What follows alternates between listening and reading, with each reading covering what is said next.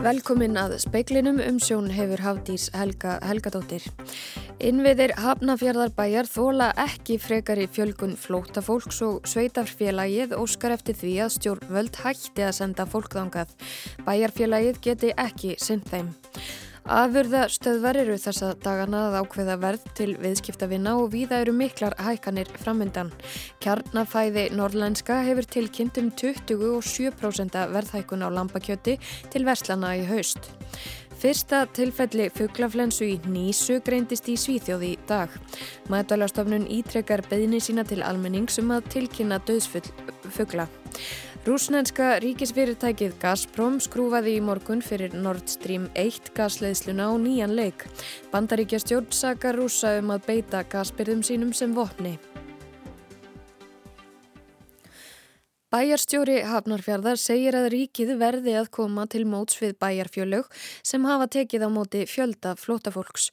Sveitarfjölagið geti ekki tekið á móti fleirum því innviðir þess séu komnir að þólmörkum.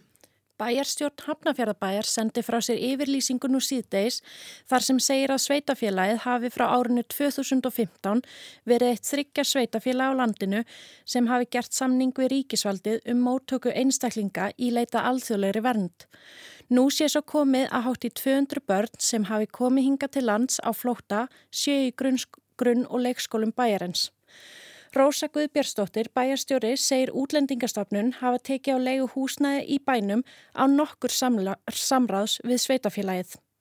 Við erum búin að gaggruna þetta ítrekka, fara á fundi og senda erindi en við fáum engi viðbröð og þetta fólk eh, sem kemur hér í góðri trú það streymir indi sveitafélagsins og sögum lögum samkvæm að þá á sveitafélagi sem að fólki er komið búsettu í þótt að þetta er skemmri tíma, það á rétt á þessari þjónustu og okkur finnst að uh, þetta sé bara komið nóg og algjörð samræðsleysi.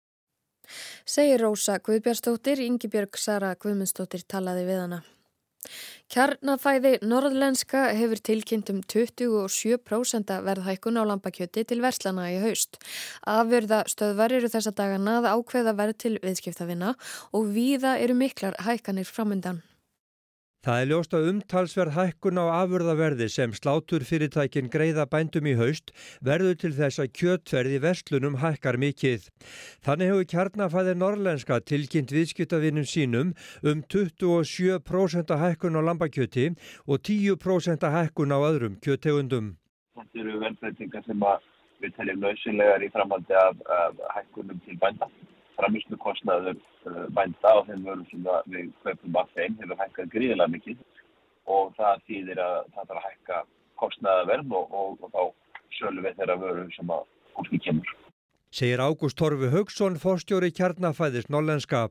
Steinþór Skúlason, fórstjóri SS, býst við að tilkynna verð til vestana fyrir vikulog. Í einhverjum tilfellum verði álíka hækkanir og hér eru nefndar, en einni minni og sumstaðar engar í einstaka vöruflokkum. Ágúst Andresson fórstuðum að kjötafurðastöðvar KS tekur í sama streng. Þar sé þó enn verið að semja um kjötverði helstu viðskiptavinni. En það séu miklar hækkanir framundan og í sumum tilfellum á sumunótum og verð sem nú sé að byrtast. Ágúst Horfi segir að þrátt fyrir þetta séu kjötframleðendur mjög meðvitaður um þörfina fyrir lágt vöruverð. Þessu er stitt eins mikið hóf og kostur er. Afkoma í landbúnaði bæði hjá frumframlegundum bændum og úrvöslaðælum hefur verið afar báborinn um lappskip og þól þessara aðila til að taka á síð kostnarhækkaðinnar er ekki. Þetta var Ágúst Torfi Haugsson, Ágúst Ólafsson talaði við hann. Matvælarstofnun ítrekkar beðni sína til almenningsum að tilkynna döðsföll fugla vegna skæðirar fuglaflensu sem geysar hér á landi og víðar í Európu. Fyrsta tilfelli fuglaflensu í Nísu greindist í Svíþjóði í dag. Veiran greindist í döðri Nísu sem raka á landi Svíþjóði í júni. Dýraleknar þar eitra að telja að þetta sé fyrsta skipti sem Nísa greinist með fuglaflensu. Hins vegar hafa selir og önnur spendir þegar smittast af veirunni, líklega af sjófuglum. Vigdís Tryggvadóttir er sérgreinadýralæknir hjá Matvælarstofnun. Við höfum náttúrulega eh, heyrt að því að þetta er að greinast til dæmis í eh, spendirum, viltum spendirum, eh, hérna refum, mingum og, og öðrum selum líka. en þetta er náttúrulega fyrstu fréttir af, af nýsum hérna í Svíþjóð. Við höfum ekki verið að taka markvist síni úr, úr döðum þessu viltum spendirum hinga til og hérna það hafa verið tekið einstakar sínu úr döðum selum en þau hafa verið neikvæð hinga til og hérna en við náttúrulega erum bara að fylgjast með og munum náttúrulega bara meta það hvort það sé ástæði til að taka síni ef að við fáum eh, tilkynningar eða upplýsingar um, um, um aðra dýrategundir sko. Vigdi segir að fugglaflensan sé afar skæð. Tilkynningum um dauða fugglu hafi fjölgað, sérstaklega súlur, skúma og helsingja og nú síðast krýr. Svo heyrir maður svona kannski aðeins svona út af við að það sé kannski meira heldur en það sem er að koma hérna inn, eða maður hefur svona tilfinningu á því. Útbreyslan sé orðin veruleg. Þetta er náttúrulega svona fyrsta skipti sem við erum að sjá núna svona verulegt vandamál. Þetta er náttúrulega búið að vera í, í hérna svona færast alltaf nær og nær síðustu ár búið að vera tölvast vandamáli í Evrópu og svo sem þetta er við að finna, sjá núna þessar afleggingar hérna. Þetta er náttúrulega fugglar sem er að koma að sunna til okkar yfir, yfir suma tíma. Vigdís hvetur fólk til að tilkynna allan óeðlilegan fuggladauða. Til að viljum við ítreka þá beinir til almennings að tilkynna okkur þetta. Þannig að við höfum betri mynda af þessu. Sagði Vigdís Tryggvadóttir, Sunna Karin Sigurþórsdóttir talaði við hana. Hérastómur Reykjanes dæmdi 22 ára Karlmann í síðustu viku til einsás skilórsbundinar fangilsisrefsingar.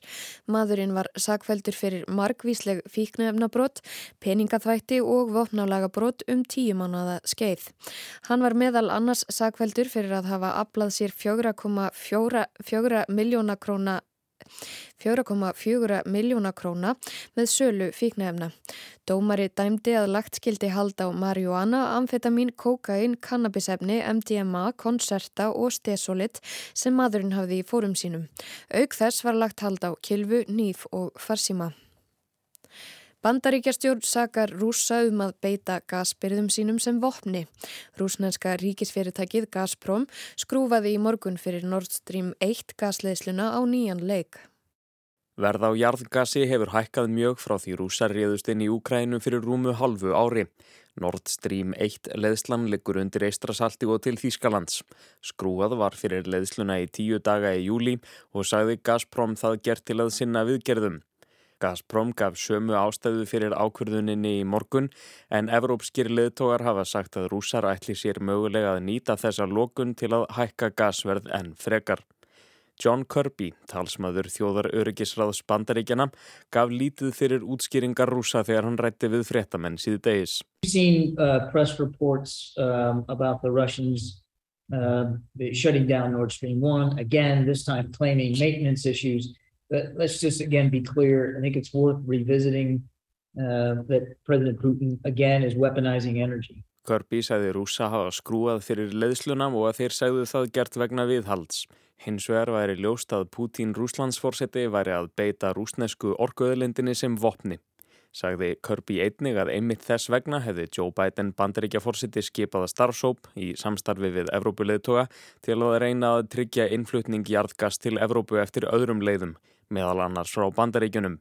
Útflutningur bandarísks jarðgast til Evrópum hafi aukist um 60% frá því í mars. Þórknýr Einar Albersson tók saman.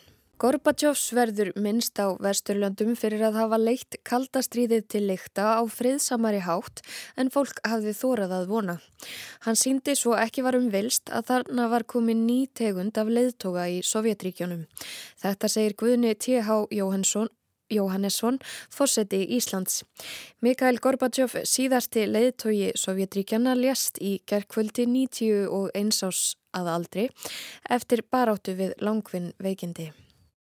Hann var umbóta sinni í ríki sem þegar á reyndi þurfti miklu meira en umbætur en það má hann þó eiga að hann rætt af stað breytingum í frjálsræðis átt og ég tel að það megi meta við hann.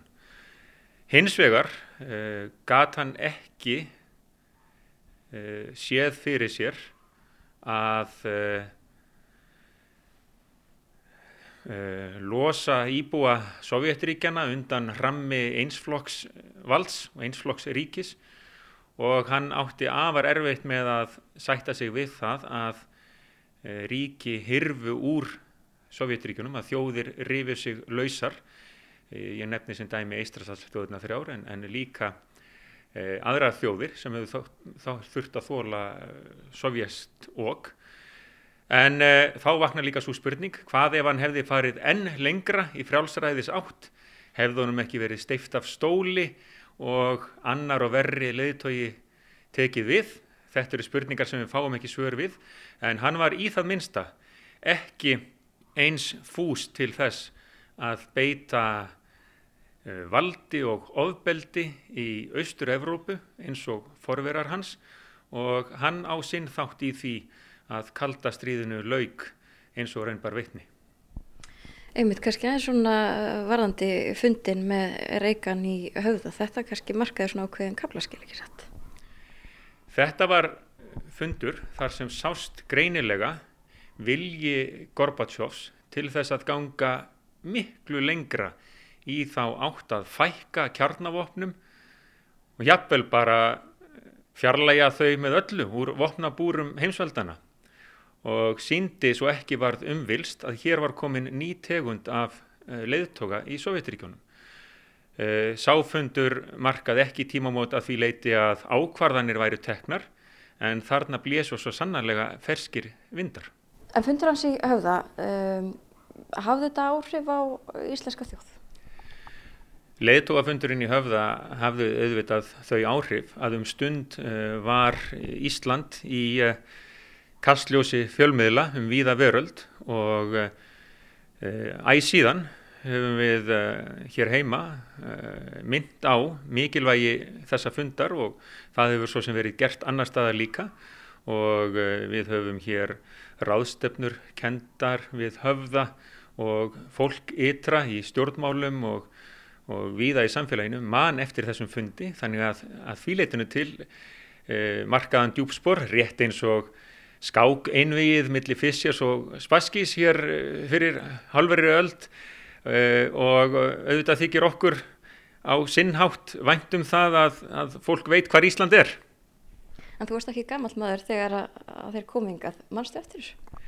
Já, ég mann vel eftir þessum fundi og Eh, sjónvarsmyndavélum sem eh, beint var að hörðarhúnunum eh, í höfða og þar fram til göttunum svo var þetta kannski óbeint til þess að ég heitlaðis nú sjálfur, ekki að það skipti nú einu máli, en ég heitlaðis sjálfur af sögu Östur-Európu, held til náms í þeim fræðum meðal annars uh, og var haustið 89 skráði til náms í námskeiði sem hétt Comparative Communist Systems, samanburðarfræði kommunisma og kennarin eftir því sem leið á námskeiðið e, fórnaði bara höndum og sagði nú getið hent öllum kennslubókunum lesið bara blöðin, múrin hrundi flaujelspiltingin í Tjekkoslovakíu e, uppreist gegn Sjásískó í Rúmaníu og þar framöttu göttunum frálsar kostningar í Pólandi allt þetta gerðist á vakt Gorbatsjófs allt þetta gerðist með þeim hætti að fyrverandi leðtóðar Sovjetiríkjana hefðu nú grepið inni og tekið í taumana og beitt valdi Þannig að þetta má Gorbatsjóf eiga. En við sko, kannski við vesturlandabúar, við kannski lítum á Gorbatsjóf öðruvísi heldur en aðrir, spyr ég sagfræðingin. Engin er spámaður í eigin föðurlandi. Það sannast nú á Gorbatsjóf, íbúar í Rúslandi, eh, höfðu lítið álit á honum. Eh, honum gekk ekki vel í frálsum kostningum eftir hrun Sovjetríkjana og hvarf nánast af hennu pólitiska sviði eh, þar eistra en hér vestra á Vesturlöndum var hann uh, mikils metin fyrir sinn þátt í því að kaldastriðið var leitt til lykta á mun friðsamari hátt en fólk jafnvel þorði að vona. Það var talað um Gorbi Maníu til dæmis í uh, Vesturþískalandi og þegar Gorbatsjóf held í heimsókn til Austurþískalands rétt fyrir fall þess einræðis ríkis þá lefðu sumir sér að rópa á guttum úti Gorbi, Gorbi, Gorbi á meðan Erik Honecker held þar um stjórnartauma og vildi gera það áfram. Þannig að já, já, hann, hans arfleifð er allt önnur á Vesturlöndum en, en í hans eh, heimalandi. Og kannski lærtumurinn sem að þjóður hafa eh, dreyið á honum er þó kannski mjög smunandi á milli, eh, já, á milli þjóða? Vissulega. Eh, það verði ekki byrt ofurfalleg eftirmæli um Gorbatsjóf til dæmis í Eistrastaslöndunum fremur en uh, við getum samt sem áður uh, spurt okkur hvernig þróun mála hefði orðið í Sovjetiríkjónum hefði enn annar íhals, leið, íhalsamur leiðtói tekið við þar Eistra árið 1985 í stað Gorbatsjófs. Það hefði hæglega geta gerst og hér kemur saman í einu manni þessi stóra spurning í sögulegri þróun, mikilvægi einstaklinga annars vegar og hins vegar hinn þungi ströymur eh, sögunar. Var Gorbatsjóf óumflíjanlegur, hlaut einhver af hans tægi að taka við akkurát á þessum tíma? Ég get ekki sagt já eða nei við því og, og engin annar þegar vel er það gáð. Þetta var Guðni T.H. Jóhannesson, fórseti Íslands. Sunna Karin Sigurþórsdóttir talaði við hann.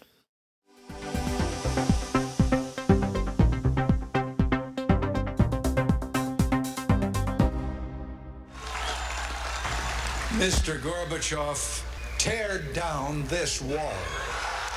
Herra Gorbachev, rýfðu þennan múr, saði Ronald Reagan bandaríkjaforsetti eftir minnilegri ræðu við Brandenburgar hliðið í Berlín 12. júni 1987. Rúmlega tveimur árum síðar var múrin fallin. Mikhail Gorbachev sagði í viðtali fyrir nokkrum árum að hann hafi ekki viljað sjá blóðsúthellingar og því hafði hann ekki skipað hernum að skerast í leikinn. Hans er minnst í dag viða um heim sem mannsins sem breytti mannkinsögunni. Í Rúslandi er skoðun fólks á honum allt önnur. Þar er honum kentum að Sovjetrikin liðuðust í sundur og almenningur hefur það skýtt. Olaf Scholz, kanslari Þískalands, fór fagrum orðum um Gorbachev þegar hann myndist hans í morgun. Er var ein mutiger Reformer und ein Staatsmann, der vieles gewagt hat. Wir werden nicht vergessen, dass die Perestroika Hann var hugrakkur umbóta sinni og stjórnmálaskorungur sem þorði að framkvæma margt, saði kanslarinn. Gleimum ekki að peristrókan gerði það mögulegt að koma á líðræði í Rúslandi og líðræði og frelsi í Evrópu sem leti til þess að Þískaland sameinaðist á ný og járn tjaldið fjall. Líðræðishreyfingin í mið- og austur-Evrópu efldist við að hann var við völd á þessum tíma. Wir wissen, dass er in einer Zeit gestorben ist, in der nicht nur die Demokratie in Russland gescheitert ist, Gorbachev lést þegar líðræðið í Rúslandi var liðu undir lok og rússar og Putin Rúslands fórseti voru önnum kapnir við að grafa skotgrafir í Evrópu í stríði gegn nágranna ríkinu Úkrænu, sagði Ólaf Sjálds enn fremur. Þess vegna minnumst við Gorbachevs. Við vitum hvaða þýðingu hann hafði fyrir þróun mála í Evrópu og þýðinguna sem hann hafði fyrir Þýskaland. Mikael Gorbachev er eitt þeirra manna sem breyttu veröldunni til hins betra, sagði Boris Johnson, fráfarandi forsætis ráþara Bretlands, þegar skæfréttastofan leitaði eftir viðbröðum hans við fráfalli hins aldna fyrirverandi leiðtóa Sovjetríkjana. Með gjörðum sínum sameinaðan Evrópu og vetti ríkjum frelsi sem áður tilherðu Sovjetríkjónum. Sumt af því mikilvægasta sem hann gerði sá hann kannski ekki fyrir og þurfti af til vill að gjalda þess með pólitískum frama sínum. When history is written, he will be, I think, one of the authors of a fantastic change for the better in the world. Þegar mannkinsagan verður skrifu tel ég að á hann verði litið sem einn af höfundunum að einhverjum stórkóslegustu breytingum sem orðið hafa til hins betra í heiminum. En ég óttast að þeir sem eru við stjórnvölin í Moskvu nú um stundir vinni að því að má út allt það góða sem Mikael Gorbachev fekk á orkað á valdatíma sínum og stefni að því með hemdar og heftar hug að endurskapa heið sovjæska heimsveldi. Þetta sjáum við á atbyrðunum í Úkrænu um þessar mundir. Það er harmleikurinn mikli, eitthvað sem Mikael Gorbachev hefði talið óhugsandi með öllu, ástæðulust og óskinsamlegt. Sjálíjan, talsmaður utanrikis ráðunettis Kína var stuttorður þegar hann myndist Gorbachevs í dag á fundi með frettamönnum í Peking. Gorbachev lagði mikið af mörgum við að bæta samskipti Sovjetríkjana og Kína, saði talsmaðurinn. Við hörmum fráfallans og sendum fjölskyldunni samúðar hverjur. Gorbachev 先生曾经为推动中苏关系正常化做出积极贡献，我们对他病逝表示哀悼，向他的家属表示慰问。Vladimir Putin, fórseti Rúslands, sagði í yfirlýsingu í morgun að Mikhail Gorbachev hafi verið stjórnmálaskörungur sem breytt hafi veraldarsögunni en hann hafi verið romantíkar sem sá framtíðar samskipti vesturveldana og Rúslands í rós rauðu ljósi. Vonir hans um þau hefðu ekki ræst. Rúsin Dimitri Muratov, fríðar verðlauna hafi Nobels og rittstjóri dagbladsins Novaya Gazeta skrifaði á vef miðilsins að Mikhail Gorbachev hafi gefið rúsum 30 ára frelsi en því miður njótið er þess ekki lengur. Muratov saði að framtað Gorbachev hafi elskað konu sína meira en vinnuna. Mannréttindi hafi skiptan meira máli en þjóðfélagsstaða. Hann hafi metið heiðan heiminn meira en eigin völd. Mér er sagt, skrifar Muratov, að hann hafi breytt heiminum en ekki tekist að breyta eigin þjóð. Það kann að vera rétt. En hann gaf þjóðsynni og heiminum 30 ára frið án yfirvofandi hættu á heimstyrjald og kjarnorku stríði. Hver annar hefði gert slikt. En gjöfin er horfin og við fáum engar slikar aftur. Landar Dimitri Muratovs virtust annara skoðunar um afreg Mikael Gorbatsjófs þegar álits þeirra var leitað í dag. Einn sagði, Hann átti vist að vera maðurinn sem átti að geta breytt Sovjetiríkjónum til hins betra. Þessi stað leta hann þau líðast í sundur, við áttu mikið land og stórveldi. Þetta leti til stríðsátaka og olgu í líðveldunum fyrirverandi, innbyrðis átaka sovjesku þjóðarinnar. Hann virtist ekki gera sér grein fyrir því hversu alvarlegar afleðingar ákvarðanir hans höfðu, sagði annar. Hann gæti ekki bætt fyrir mistökin og nú erum við gíslar þessari heimskulegu ákvarðana. Það er erfitt að dæma um það sem hann gerði, sagði sá þriðji. Ég held að hann hafi verið góður maður, annars hefði hann ekki valist til starfsins sem honum var falið. Hann skadaði land og þjóð, sagði sá fjörði og við þurfum að taka afleiðingunum. Ásker Tómasson tók saman.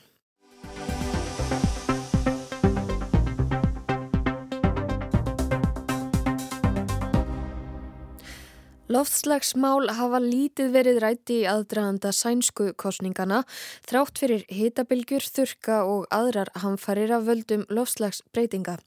Hátt í 2000 sænskir vísindamenn byrtu nýlega áskorun til stjórnmálamanna um að taka ámálinu af alvöru og spurðu hvað er það sem þið skiljið ekki?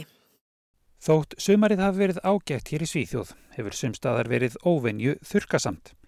Ekki er þó miða við mörg önnurlönd Evrópu þar sem talað er um verstu þurka í 500 ár.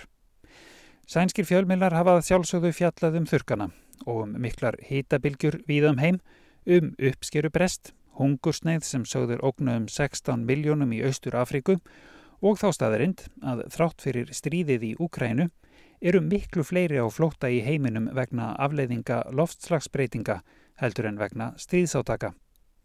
Átt í 22 miljónir rekjast frá heimilum sínum á flóta á ári hverju vegna afleiðinga loftslagsbreytinga. Og loftslagsbreytingana sér líka stað á minni táknrætni hátt hér í Svíþjóð. Kefne Kæse, rúmlega 2000 metra hátt fjall nýrst í Svíþjóð, oft notað í auglýsingum sem einskonar tákn fegurðar og mikilfengleika, það hefur lækkað um fleiri metra á síðustu árum. Jökullin á söðurtindinum er að bráðuna og nú er svo komið að söðurtindur kefnikæsi er ekki lengur hæsti punktur svíþjóðar. En þrátt fyrir stórar breytingar og smáar er lítið rætt um umhverfis og lofslagsmáli í kostningabarátunni hér í Svíþjóð nú þegar aðeins rúm vika er til kostninga. Flest stærstu umræðuefnin eru hefðbundin, efnagsmál, glæpir, skólakerfið, heilbriðiskerfið, engarekstur og innflytjandamál og auðvitað hverjum sé best treystandi til að leiða landið. Á sama tíma hefur ríkistjórn jafnaðarmanna lækkað álögur á bensín til að bregðast við verðhækkunum vegna innrásarinnar í Úkrænu og er ofinn fyrir því að halda þeim áfram sem lækstum. Engun vegin verður fólkjú að komast í vinnuna, letur á þeirra loftslagsmála hafa eftir sér. Forsætisráð þeirra efni hægri blokkarinnar sagði svo í viðtali um aðgerðir í lofslagsmálum að hann vilji ekki að fólk þurfi að gjör breyta lífi sínu. Líkt og aðrar þjóðir hafa svíjar skuldmyndið sig til að halda línun jarðar innan einnar og halvrar gráðu eins og hveðið er áum í Parísarsamkominlæginu. Vísindamenn hafa eins vegar bent á að stefna 6 af 8 flokkum á sænska þinginu í lofslagsmálum dugi ekki til að ná markmiðum samkominlagsins. Nú veriðist hátt í 2000 vísindamönnum hafa ofbóðið þögnin um lofslagskrísuna. Í örvendingarfullu ákalli til stjórnmálamanna sem byrt var í dagblæðinu Aftonbladet spurðu vísindamenninir hvað er það sem þið skiljið ekki og einnig hvað þyrti eiginlega að gerast til að stjórnmálamenn tækju niðurstöðu vísindaransókna af alvöru og breyðust við krísunni eins og tilöfni sér til. Mats Rönnelít, profesor við háskólan í Dölunum, segir að fáir af flokkunum vilji ganga hart fram og taka á málunu af alvörum og líta á loftslagsmálinn sem það lífsspursmál sem þau séu. Men eh, det er få som vil vara offensiva och faktiskt ta det på allvar och se det som den ödesfråga som vi faktiskt tycker att det är. Það likur á, bætti Rönnelít við í samtali við sænska ríkisjónarpið. Það séu bara nokkur ár til stefnu til að gera alvöru breytingar. Undir þetta taka margir. Núna um helgina spurði leiðarahöfundur dagans nýheter til að mynda hvenar það yrði eigilega rætt um lofslagsmál í kostningabáratunni, ef ekki nú. En það er líklega einföld ástæða fyrir því hvers vegna ekki er talað meira um loftslagsmál og afgerandi aðgerðir til að draga úr yfirvóndi hamförum. Það er nefnilega ekki víst að það borgi sig út frá sjónarmiðum flokkana. Stjórnmálaskýrindur segja að undanfarin misseri hafi vinstirflokkurinn til dæmis lagt aukna áherslu á að vinna fylgi meðal hópa sem vanalega hafa kosið jafnaðarmenn, engum lálaunafólks, meðlima í stjættarfélögum og fólks á landsbyðinni. Og það þýðir að flokkurinn vil tala meira um landsbyðina og yðnframlegslu, minna um umhverfis og lofslagsmál. Græningjar, sá flokkur sem mest hefur fjallað um lofslagsmál og þykir vera með trúverðugustu stefnuna, hefur síðan átt í verulegu basli. Ekki er útséð um að hann nái nógu miklu fylgi í kostningunum til að halda sér inni á sænska þinginu. Sá flokkur sem hefur átt einna bestu fylgi að fagna, Svíþjóðardemokratatnir, hefur eiginlega enga áherslu lagt á loftslagsmálinn. Forsvarsmenn Svíþjóðardemokratana segja að Parísasamkomlæðið snúist aðalega um skuldbindingar stærri landa og komi svíjum eiginlega lítið við. Og í hittabilgjunni í sumar sem kostaði fjölda fólks lífið sagði formaður flokksins að það væri nú svo að fleiri degi af völdum kulda heldur en af ofmiklum hitta. En á meðan stjórnmálamenn yppa sumir aukslum hefur fólk sem hefur miklar áhyggjur af lofslagsmálum gripið til æ rótækari mótmælaðgerða. Á mánudaginn var kom hópur fólks sér fyrir á hraðbröyti útjæðri Stokkólms og stöðvaði um tíma alla umferð. Mikil umferðarteppa myndaðist, tuga kílometra laung og meðal þeirra sem sáttu fastir var sjúkrabíl á leið á Karolinska sjúkrahúsið. Mótmælendunir vildu reyna að knýja á um aðgerðir í loftslagsmálum. Þau voru handtekinn og nú hefur verið farið fram á gæsluvarðald yfir tíu þeirra vegna grunns um skemdarverkastarfsemi. Í viðtæli við Sænska ríkisjónvarpið spurði eitt mótmælendana, Jósefín Ædrup Dahlberg, hvers vegna hún og aðrir þurfi að stöðva umferð til þess að það sé yfirleitt rætt um loksslagsmálinn og hættuna sem af þeim stafi. Hela världen vandrar mot avgrunden. Forskare talar nu om att det här kan bli slutet på civilisationen inom min livstid. Vísindamenn segja að þetta geti markað endalók siðmenningarinnar, sagði Dahlberg og bætti við að litlu frængur hennar og frændur ættu á hættu að alast upp í heimi þar sem þau fengju ekki að verða gömul. Allt vegna stjórnmálamanna sem rýsi ekki undir ábyrðsinni. Hvað á ég þá að gera, spurði Dahlberg. Mina syskonbarn riskerar att växa upp i en värld där de inte får bli gamla. Vad ska jag då göra? Sæði Jósefín Ædrup Dahlberg, Kári Gilvason í Gautaborg tók saman. Veður horfur á landinu til miðnættis annað kvöld, minkandi sunnanátt og úrkoma í kvöld, suðvestan stinningsskóla á morgun og skúrir en að mestu þurft á austurlandi. Snýst í norðlæga átt norðan til síðdeis, fremur myllt í veðri. Fleira er ekki í speklinum í kvöld, tæknimaður í útsendingu var Magnús Þór Magnússon, veriðið sæl.